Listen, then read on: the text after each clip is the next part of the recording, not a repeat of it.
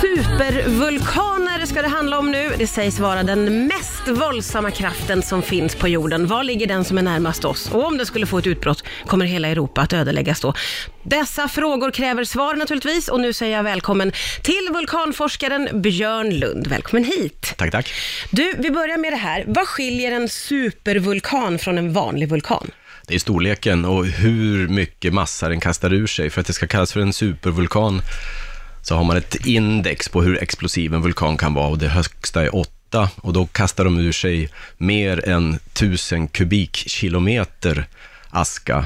Eller Det där andra. är ju svårt att visualisera Ja, nu. det blir mycket... otroligt svårt. Jag, jag funderade faktiskt på det och jag tittade och såg att Kungsholmen här i Stockholm är ungefär 4 kvadratkilometer till ytan. Ja. Så om vi tänker Kungsholmen med 250 meter tjockt asklager, då har vi en kubikkilometer. Oj, oj, oj. Okej, det är enorma massor. Tusen sådana, då blir det en supervulkan. Okej, och var ligger den närmaste från oss sett? Ja, utav de som har haft utbrott rimligt sent som vi vet om, så har det ju varit, de, den senaste var ju till exempel på Nya Zeeland, eh, i Taupo för ungefär 25 000 år sedan, men det är ju långt bort. Ja. Sen har vi Yellowstone i, i USA och vi har inte någon i Europa, utan det är eh, Nordamerika, Sydamerika och så hela Indonesien, ehm, och, och så runt Stilla havet då i den här eldsringen, eh, Japan, Kamchatka. Och den här som hade utbrott senast då, 25 000 år sedan, sa du. Vad vet vi om det utbrottet? Ja, vi vet ju att det var så pass stort och det var eh, runt 2000 kubikkilometer som kastades ut och när de här supervulkanerna får utbrott så har det samlats en väldig massa material, magma, nere i magmakammaren under vulkanen och när det kastas ut med sån hastighet så kollapsar hela vulkanen och bildar vad man kallar för en kaldera. Så toppen av vulkanen kollapsar ner i magmakammaren och så får man en sån här stor yta eh, där, det i stort sett är platt i botten. Men titta till exempel på Ngorongoro-kratern, det är en kaldera i Afrika, den här stora kratern liksom, som är helt platt på botten och där man har massa djur. Ja. Så den här kaldera-bildningen händer alltid vid de här stora supervulkanerna, just för att man kastar ur sig så mycket material. Eh, Och vet man hur mycket den ödelade då, den här senaste? Hur stor var omfattningen? Kan man se det? Nej, man ser ju hur mycket material, alltså, så man kan titta på hur tjockt blev asklagret Ja. runt omkring. Och det, det här var ju på Nordön på Nya Zeeland och det täckte ju stort sett hela norra delen av, av Nordön då. Ja. Eh, exakt hur tjockt det var, det vet jag inte riktigt, men, men så pass mycket har man kunnat se i alla fall att det var runt 2000 kubikkilometer. Eh, och, och som vi sa innan, vi måste ju klargöra det här nu då.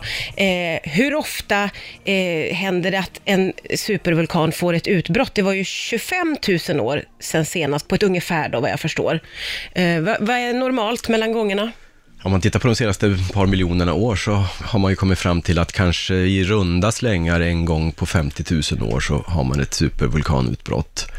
Ehm, Det senaste var ju då på Nya Zeeland för ungefär 25 000 år sedan och före det så var det i Indonesien eh, för 74 000 år sedan, så där stämmer det ju väldigt väl. Ja, det gör det. Om det sen kommer att hända igen om just 25 000 år, det är väl en helt annan fråga. Men just nu så känns det inte som att vi behöver vara överdrivet oroliga för att det ska ske. Nej, just nu har vi inga indikationer på att det skulle ske någonstans i de områden där som man övervakar. Men man övervakar ju till exempel vulkanen i Yellowstone i USA. Eh, vad skulle hända om den får ett utbrott? Hur mycket skulle det påverka?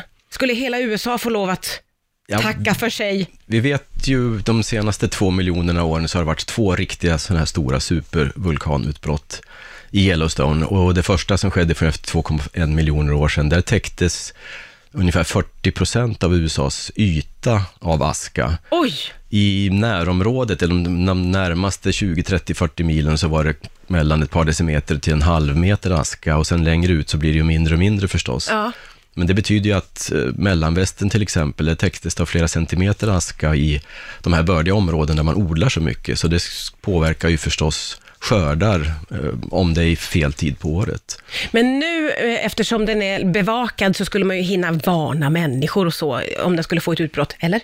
Ja, det sk- man skulle nog utan tvekan se att det var någonting på gång. Man kan se att det börjar röra sig ner i vulkanen, man övervakar med hjälp av eh, seismografer som mäter jordskalv, man använder GPS-mätare för att se om vulkanen häver sig, man mäter på gaser för att se om det kommer ut mer koldioxid och svaveldioxid. Så att det finns en massa olika indikatorer på att vulkanen är på väg att vakna upp, så det skulle man utan tvekan vara beredd på. Sen blir det svårt när det, allt eftersom aktiviteten tilltar då, att veta precis när går vi från att det är mer aktivitet till att det faktiskt blir ett utbrott.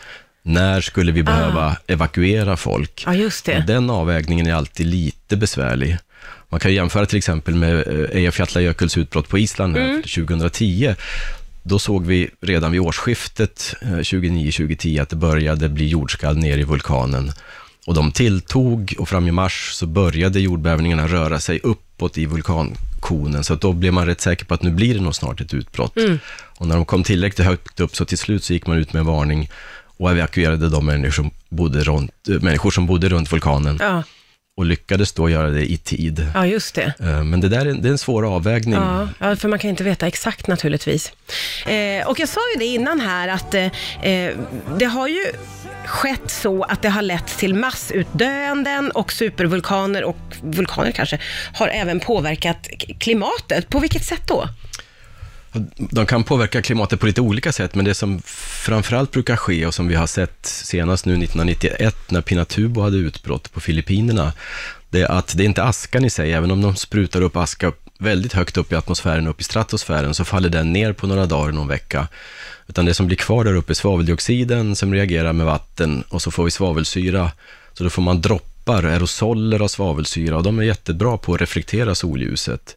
Så att vi får in mindre solljus och då sjunker temperaturen. Så efter Pinatubo i två, tre år så var temperaturen på norra halvklotet ungefär en halv grad lägre än vad den hade varit tidigare. Jaha, Um, sen kan ju vulkaner, de, det kommer ut en väldig massa olika gaser och framförallt både svaveldioxid och koldioxid. Då. Så där har man funderat en del på hur mycket koldioxid kommer ur vulkanerna och skulle det kunna hjälpa till och då tvärtom värma upp klimatet?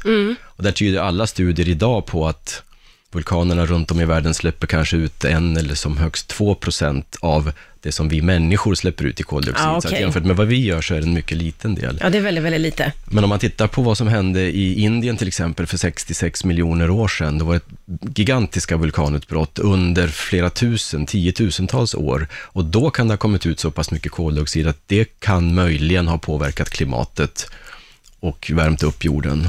Ja, okej. Och att det skulle kunna ha bidragit då till att dinosaurierna dog ut.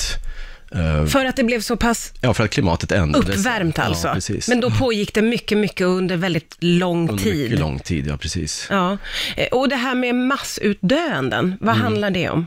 Och man vet ju att mm, fem, sex, kanske fler tillfällen under jordens historia så har ju en väldigt stor andel av allt liv på jorden dött ut helt enkelt. Och det största massutdöendet skedde för ungefär 250 miljoner år sedan, i slutet av den tidsperiod som kallas för perm. Och då samtidigt så var det, precis som det var i Indien då, så var det gigantiska vulkanutbrott i Sibirien. De kallas för de sibiriska trapporna för att de har trappstegsformationer. Det är alltså o- oerhörda mängder lava som kom ut också under en ganska lång period Ja, som kan ha påverkat klimatet så att det här massutdöendet kan i alla fall ha berott på vulkanutbrotten under lång tid. Och då har det blivit varmare. Där finns det vissa indikationer som tyder på att i slutet av, av, av perm där så var de tropiska haven kanske 40 grader varma. Och då var det förstås svårt för djurlivet att, att ja, ja, ja, leva. ja, det är klart. Och här dog ungefär 95 procent av allt liv på jorden dog ut vid den här tidpunkten. 95 procent av allt liv på jorden. Allt liv, ja. ja. Växter och djur. Alla fyrfota dür försvann tydligen, i stort sett. Det blev kanske vissa kvar in mitt Hur länge sedan var det, sa du? Ungefär 250 miljoner år sedan. Jaha, okej, den- okej. För jag tänkte, åh, det finns ett hopp om något skulle hända, men det tar ju väldigt, väldigt lång tid att återhämta sig då, får man ändå ja. säga. Ja, jo, livet kommer tillbaka. Men livet kommer tillbaka. Ja, eh, Björn Lund, vulkanexpert, så himla roligt att du kom hit och pratade vulkaner. Det skulle jag kunna göra hela dagen, men jag tackar för att du kom hit. Tack snälla. Tack